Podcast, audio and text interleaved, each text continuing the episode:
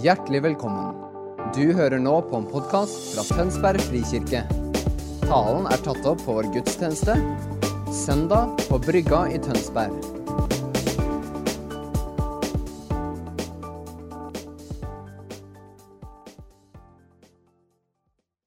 Himmelske Far, vil du, vil du la din ånd komme over oss i dette øyeblikket? Kom, Hellige Ånd.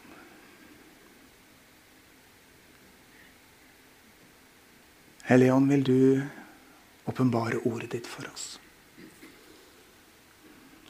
Så vi ser mer, så vi ser dypere.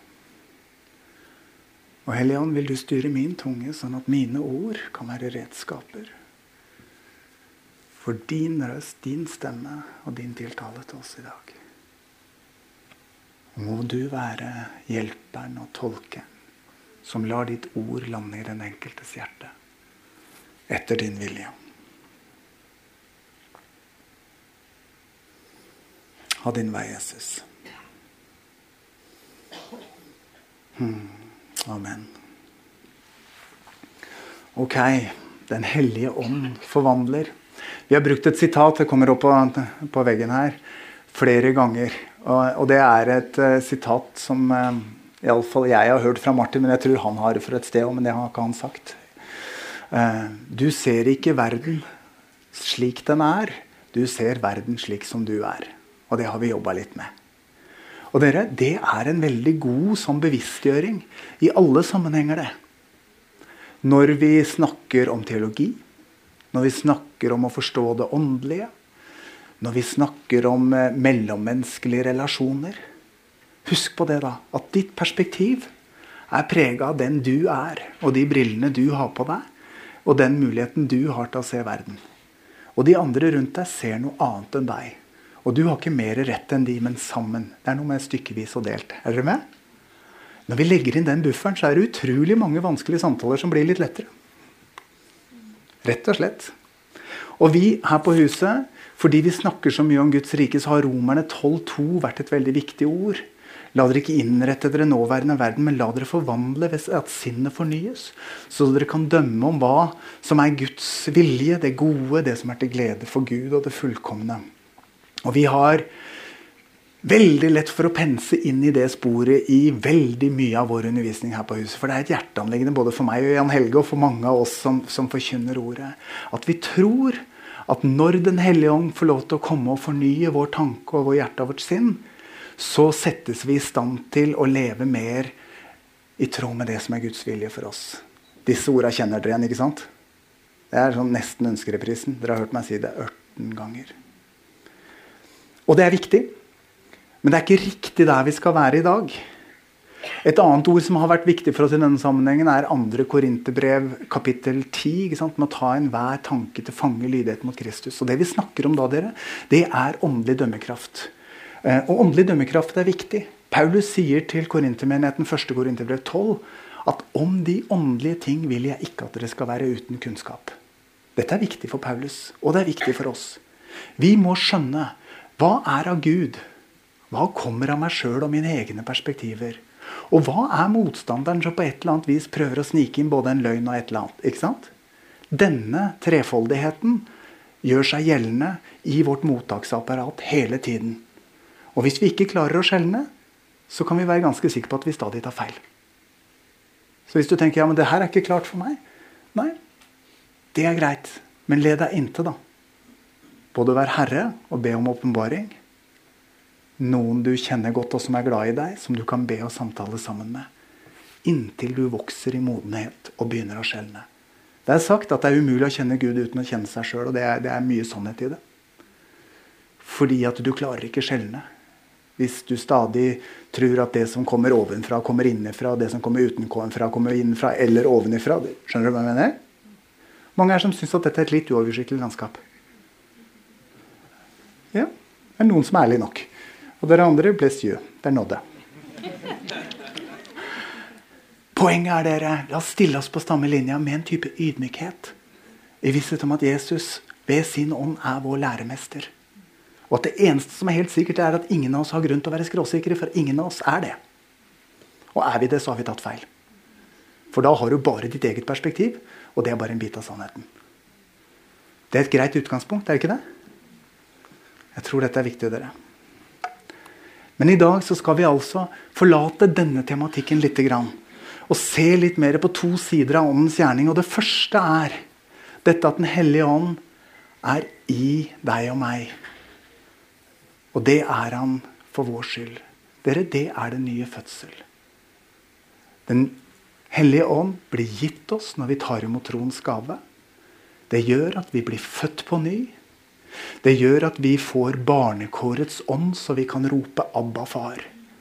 Den hellige ånd er i oss for vår skyld.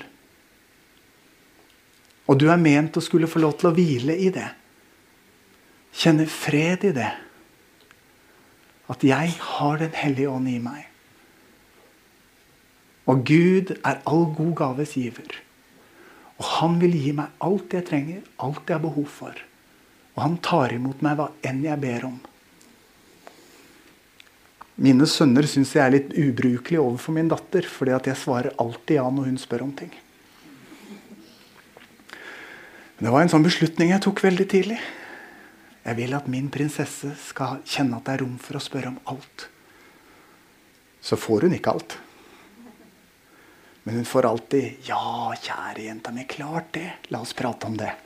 Så blir det jo nei da, ikke sant, nede i gata på de tingene som er helt ubrukelige. Men jeg tror jeg har fått lov til å ta tak i noe av det som er pappa Guds hjertelag her, dere. Han vil at vi som barn skal få lov til å spørre om alt. Absolutt alt. Så er det ikke alt han svarer ja på. Noe sier han vent på, noe sier han faktisk nei til. Men han rommer våre ønsker og våre bønner. Er dere med?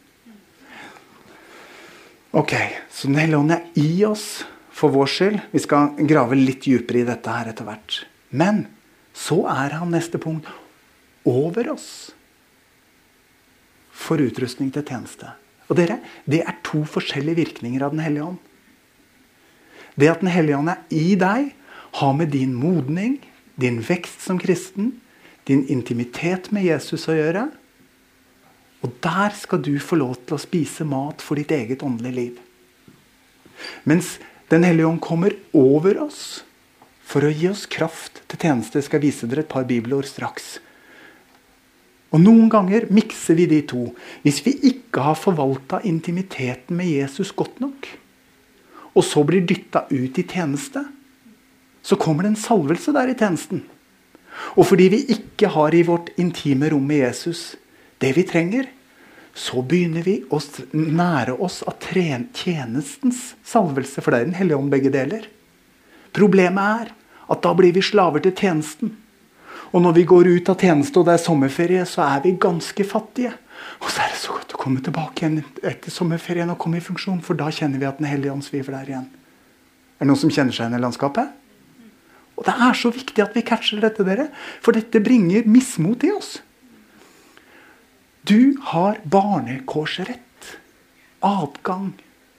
Og Jeg fikk et bilde mens vi sto i lovsangen. Og dere, det er noen av oss som er sånn som potteplanta som ikke har fått vann på 14 dager. Jorda har blitt hard, og den er litt sprukken. Og dette er det bare du som veit, så det er ingen fordømmelse her. Hører du det? Men du kan være ærlig med deg selv innenfor Gud hvis du har det på den måten. Når jeg kommer med vannet da og forbarmer meg over den potteplanta, så mykner jorda. Og så blir den til god jord igjen for den planta. Er dere med? Dere? Be, så skal du få. Let, så skal du finne. Det, pappa. det er Guds ords invitasjon til deg og meg hvis vi har det litt som en tørr potteplante. Be, så skal du få. Let, så skal du finne. Be Gud ved sin ånd om å myknegjøre jorda. La sin kjærlighet, sin kraft, sitt nærvær, sin godhet overstrømme deg inntil jorda di blir myk. For du skal ikke måtte springe over her i tjenesten. Og så stå i tjeneste. Og når du er ferdig, og da har du vært som et rør ikke sant? Når vi står i tjeneste, så er vi som et rør som Guds kraft går igjennom til de vi betjener. Er dere med? Og når vi er ferdig med tjenesten, så er det som om vi tar fingeren inn i røret og så drar vi av litt av den salvelsen som er igjen. og så... Åh, litt til meg, ja. Men dette, dette er fattigdomsånd og trelldomsånd. Vi er ikke ment å fungere på den måten. Og himla mange av oss gjør det. Så vi, han er i oss for vår skyld, og over oss for tjenestens skyld. La oss anerkjenne begge deler. Og det gode for deg, hvis du kjenner deg litt potteplante, men syns det flyter godt i tjenesten, er at ja, men da har du kontakt med Den hellige ånd. For det er Hellige ånd som gjør de greiene her. Så da kan du oppgradere din egen selvforståelse i ditt eget lønnkammer. Og så begynne å ta imot. Her. Selv Jesus, dere, måtte altså Fikk altså ta imot salvelse. Ved Jesu dåp så kommer Den hellige ånd ned over ham som en due.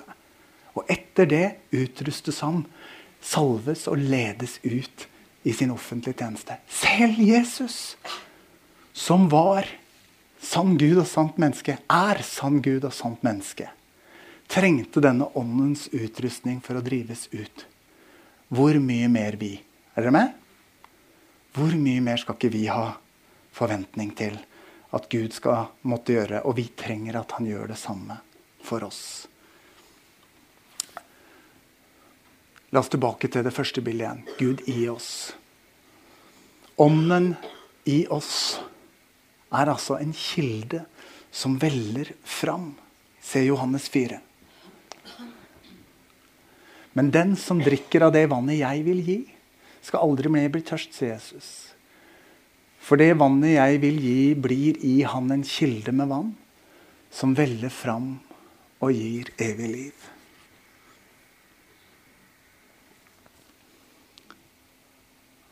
Dette er sant om hver og en av oss som tror på Jesus Kristus. Men ikke let i ditt følelsesliv, for ditt følelsesliv er prega av så mangt. For å kjenne åssen du har med Gud. Men gå inn i bønn og koble på Guds hjerte, for den eneste veien til Guds hjerte er gjennom Jesus Kristus i bønn. Det er en åndelig greie. La oss bare skille ånd, sjel og legeme. Sjela di er tanker og vilje og følelser. Himla ofte så driver vi og leiter etter Gud i vår tanke og vår vilje og vår følelse. Er dere med? Vi tenker på bibelord vi kan, og vi kjenner etter i følelsen vår om Hellige Ånd er her. Men dere, tanke, vilje og følelse er det menneskelige apparatet, det. Det er oss, det. Og det naturlige mennesket kan ikke kjenne Gud. Så vi kan slutte å prøve å finne Gud med tanke, vilje og følelse. For der er han ikke å finne. Men vi som har fått Den hellige ånd i vår ånd og er født på ny, vi kjenner han. Så hvis vi kutter ut tanke, vilje og følelse, men i tro og tillit i vårt lønnkommer, i vår bønn, i vår lovprisning, kobler vårt hjerte til Guds hjerte, så åpner vi den krana sånn at det begynner å renne. Mye anstøt har skjedd, mye tvil og anfektelse har kommet til menigheten. Fordi vi ikke har skjønt denne sammenhengen, og vi har lett etter Gud i vår tanke, vilje og følelse. Og så har vi sett disse som har kobla på Gud i sin ånd og begynt å gjøre ting som ikke jeg får til. Fordi at de har stått i tanke, vilje og følelse. Nei, men bare switch, du. Så får du til, du òg. På din måte. Sånn som Gud vil det at du skal få det til. Men du kobler til Han ved din ånd. Gir dette mening? Så Når vi gjør det, så kan vi la Gud ved sin ånd og ved sitt ord begynne å tale til vårt indre. Jeg snakka litt om dømmekraft. Hva er av Gud, hva er av motstanderen, hva er av meg selv? Dere, himla ofte når vi har vært her, at vi har vært i oss sjøl, så har vi begynt å snakke oss sjøl ned. Og det skal ikke så mye til, det. hvis hvor mange av dere har prøvd å, prøvd å, bruke en hel dag til å kikke innover i dere selv og være selvgranskende og selvkritisk og opplever at det har vært en oppbyggelig dag? Sant? Det er ikke her i vårt eget indre vi finner noe som er til oppbyggelse. Det er noe vi kobler på Han.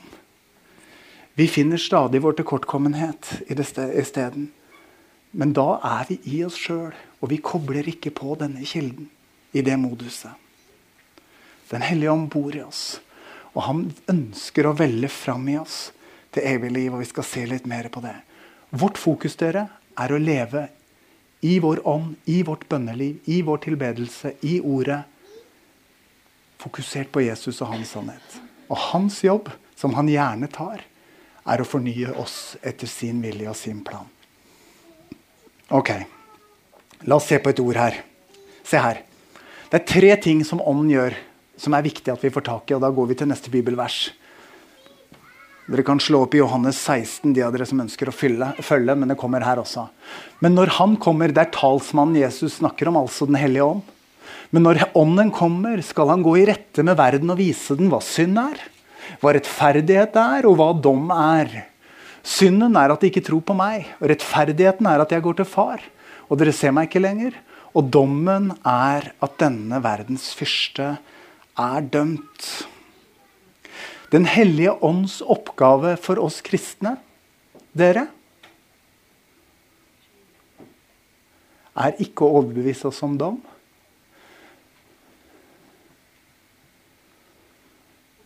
Den hellige ånds oppgave er å gå i rette med verden og vise den hva synd er. Hva betyr det?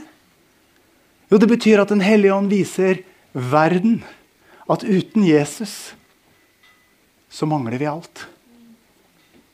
Det er saken for Den hellige ånd. Å drive til Jesus. Sier dette ordet.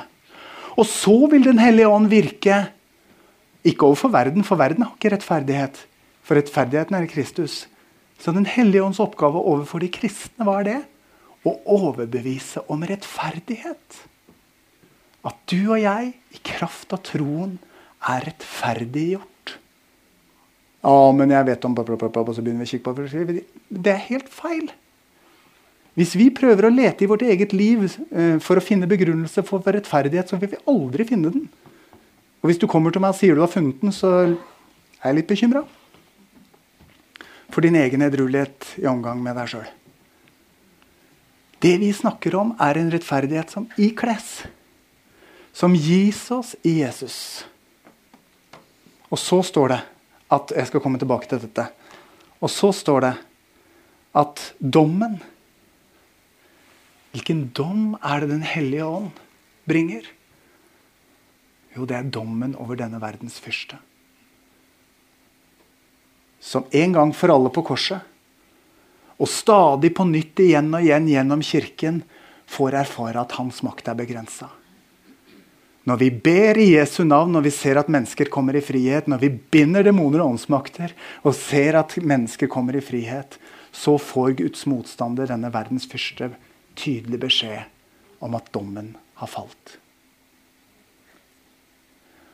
Og dere, her har vi lutheranere en skikkelig teologisk og bibelgranskningsjobb å gjøre. For vi er blitt så innprenta i at vi er syndere. Simul justus et peccator, som er den store læresetninga, samtidig syndere rettferdig, som for Luther Dette har jeg sagt til dere før, men jeg tror jeg trenger å gjenta det. Som for Luther fungerte veldig viktig fordi han var sikker på at han skulle gå fortapt. Og når han fant ut at det gikk an å være samtidig synder og rettferdig, så fikk han frelsesvisshet. Det var altså ikke fra Luthers side en aksept om at ok, jeg er en synder, så det er greit at jeg har synd i livet, og likevel kan jeg håpe øh, å bli frelst. Men motsatt. Jeg er ikke sikker på om jeg blir frelst. Men så fant han oppdagelsen i rombrevet og sa åh, jeg kan erkjenne synd i livet mitt og likevel tro at jeg er frelst. Hører dere at det er motsatt av hvordan vi bruker Luther i dag? For vi kan, vi kan på en måte bruke Luther på den måten at vi uh, tenker at synda um, Enten så underdriver vi betydningen av synda, eller så overdriver vi betydningen av oss selv som syndere og, og detaljer til identiteten vår. Og dere, det er alltid sant at det du tror og holder for sant, det handler du ut fra. Derfor så vil livet ditt fortelle deg hva du tror. Og hva du har verdi for. Og hvis du stadig faller i synd, om igjen og om igjen, så ville jeg i sjelesorgens rom antatt og forsiktig spurt etter om du kanskje har den overbevisninga at du er en synder. For hvis du tror i bunnen av ditt hjerte at du er en synder, da vil du etter hvert slutte å kjempe mot synda. For det er på en måte synderens vesen å synde. Og så er vi glad for nåden, da, som iallfall gir oss himmelbillett.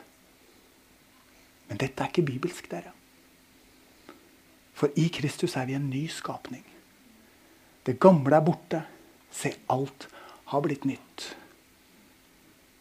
Sånn at det livet vi lever nå i Kristus, lever vi ved Den hellige ånds hjelp. Den hellige ånds hjelp. Og vi trenger ikke hjelpe motstanderen med å tale identitet og liv i gamle Adam. Vi kan glemme han. Og så kan vi gjenkjenne han når han gjør, gjør, seg gjeldende. For det gjør han jo av og til. Titt og ofte så stikker han huet opp liksom og minner oss om at ja, da, det, vi har litt igjen på vår helliggjørelse fremdeles. Ja, men Hvordan går det an, da? Jo, Johannes 3, 1. Johannes 3 sier vi at vi er uten synd. Da bedrar vi oss selv, og sannheten er ikke i oss. Så få med dere, Her er det to ting samtidig. På den ene siden, Vi er en ny skapning. Det gamle er borte. Alt er blitt nytt. Det er vårt potensial i Jesus Kristus, og det er han som virker i oss.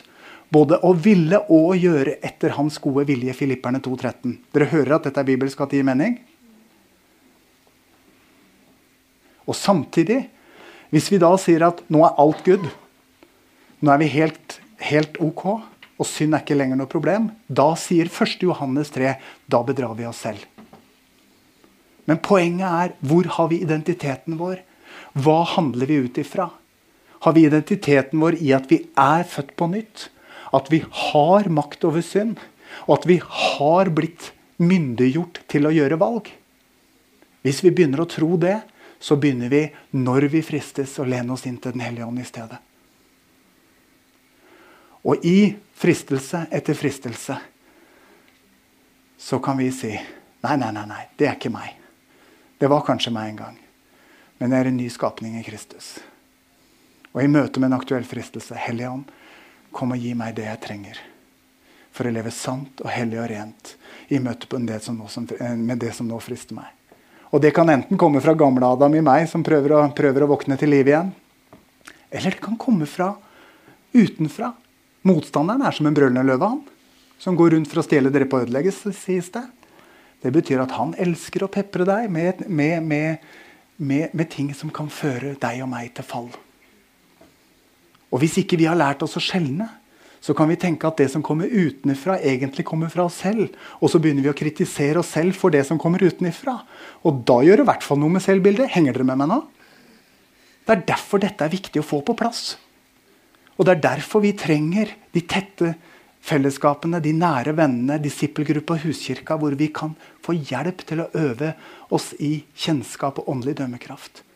Så vi kan gå i helhet og renhet. Og Den hellige ånd gjør dette i oss, dere.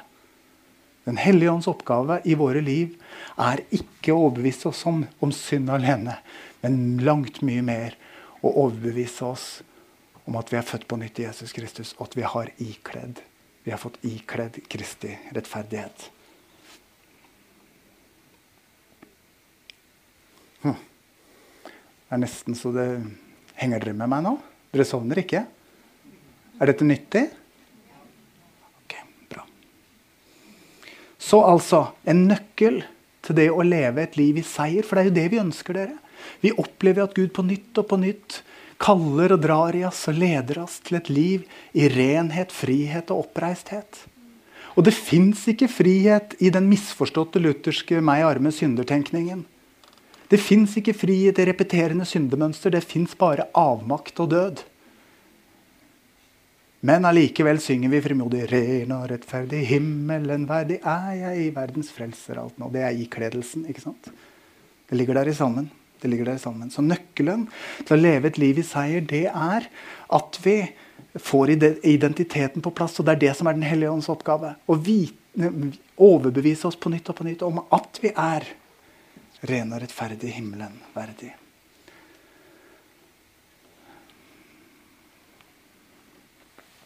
Når Den hellige ånd får få lov til å forankre oss i dette, så møter vi livet og fristelser og utfordringer på en annen måte. Og Målet vårt dere, er at Den hellige ånd skal få lov til å innpode himmelens verdisystem i oss. Sånn at overalt hvor vi går, så møter ikke folk bare oss på menneskelig vis, men de møter Jesus sine representanter. Å nei, ikke se på meg, se på Jesus, pleier vi å si. Ja, Men Jesus har sendt deg for at folk skal se på ham. Dere er verdens lys. Ikke ta fra deg selv den oppgaven. For det er sagt, du er verdens lys. Dere er verdens lys. Nå skal dere få et verdslig eh, eksempel. Jeg satt og prata med Mathias til morgenen i dag om det vi skulle inn i.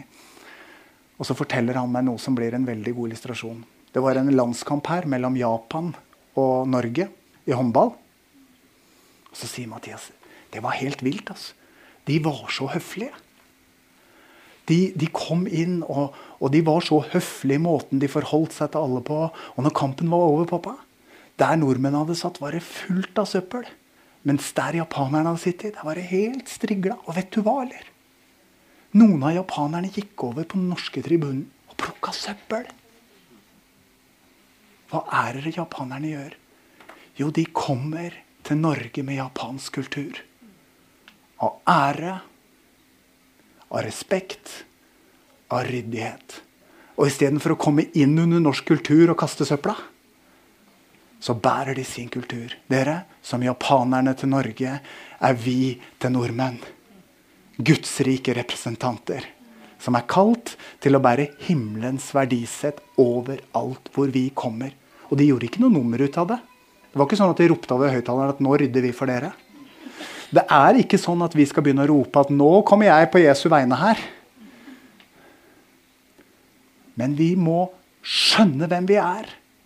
Og vi må la Den hellige ånd stadfeste i oss hvem vi er. Og innpode himmelens verdisett i oss, sånn at dette er noe vi lever helt naturlig. For døde gjerninger, dere, døde gjerninger, det er handlinger som vi prøver å få til i egen kraft. Og det er det strev i. Men det Den hellige ånd får lov til å forløse i oss, det går helt av seg selv. Jeg har sagt mange ganger, I Guds rike så er det sånn, vi har ikke resultatansvar, vi har virksomhetsansvar. Ditt ansvar er å respondere når Den hellige ånd leder deg. Hans ansvar er å gjøre det han vil i og gjennom deg. Det fratar deg for ansvaret. Men du må være villig til å respondere. Ja. Så altså Filipperne 2,13. For det er Gud som er virksom i dere. Så dere både vil og gjør etter Guds vilje. Jeg skal gå inn for landing. Lev i lyset. Dersom vi vandrer i lyset, slik Han er i lyset, da har vi fellesskap med hverandre. Og blodet fra Jesus, hans sønn, renser oss for all synd. Altså en realisme, dere.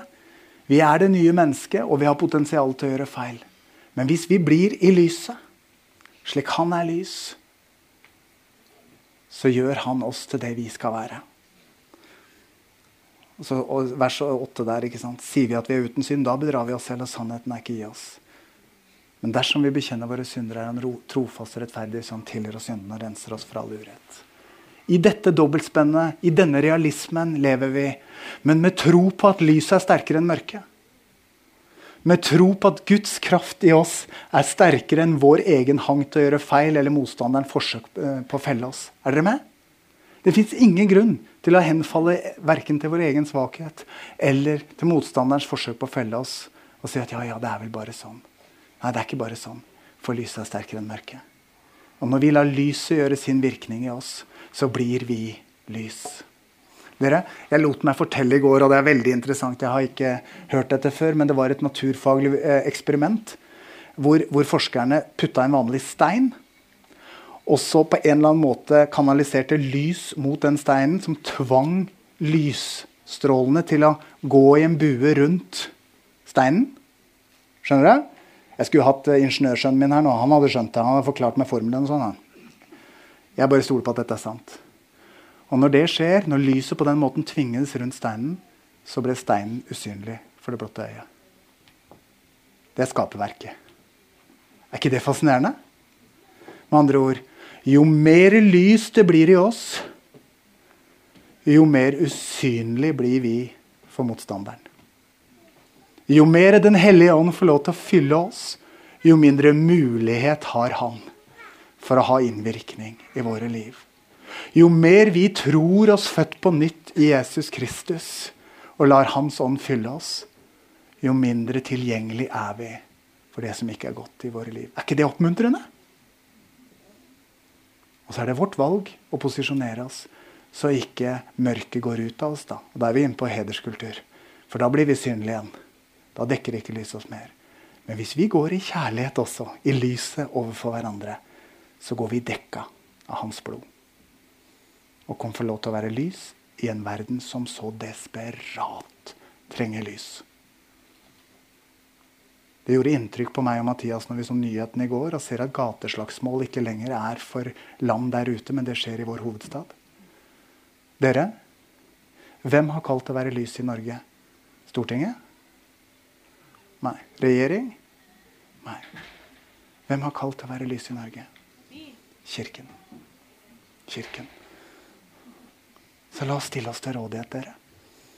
Så skal jeg gå inn for landing. Det fins alltid, hvis du går til siste bilde, Mattis, det fins alltid en dobbelthet i Guds rike. Bare slå opp alt sammen. Det er sant at vi har fått alt, og det er sant at vi trenger å bli fylt mer. Det er sant at vi er gjort rettferdig, og det er også sant at vi arbeider på vår frelse. Det er sant at alt er fullbrakt, men det er også sant at vi må vokse og modnes. Og i alt dette så gir Skriften oss én retning bli fylt av Ånden. Så jeg har lyst til at lovsangstimen skal komme opp, og så skal vi be denne bønnen. Mens de begynner å spille på tagentene, fordi da kommer jo Den hellige ånd mye sterkere. Nei, det gjør han ikke. Da var vi i sjelsliv igjen. Tanke og vilje og følelse. Det var bare for å teste dere. Men når musikken gjør seg gjeldende i rommet, så hjelpes vi, og dette her gjør terapien også, så hjelpes vi til å stille vår tanke og vilje og følelse i ro. Nemlig. Derfor bruker vi musikken, ikke for å manipulere, men for å få hjelpe dere til å stille tanke og vilje og følelse i ro. Sånn at din ånd kan koble på Guds ånd. Sånn at han kan få sin vei i deg. Og det skal vi gjøre nå. De begynner å spille. Så skal vi rett og slett invitere Hellige Ånd til å komme. Og vi er ikke ute etter noe resultat kollektivt. Bare at han får lov til å komme som han vil. I deg og over deg etter sin vilje. Så himmelske Far, vi ber deg, send på nytt din ånd over oss. Kom, Hellige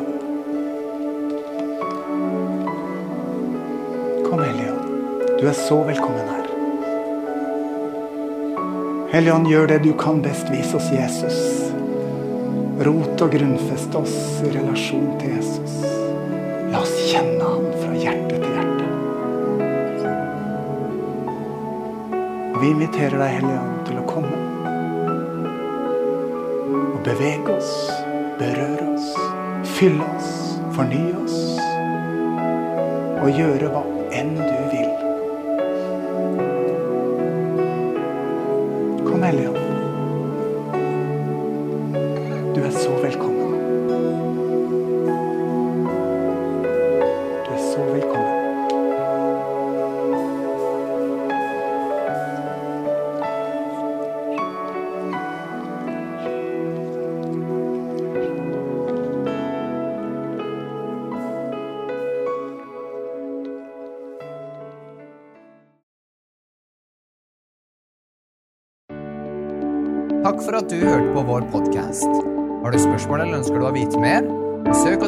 nettside tonsbergfrikirke.no. Du er også velkommen til kirke på Brygga i Tønsberg.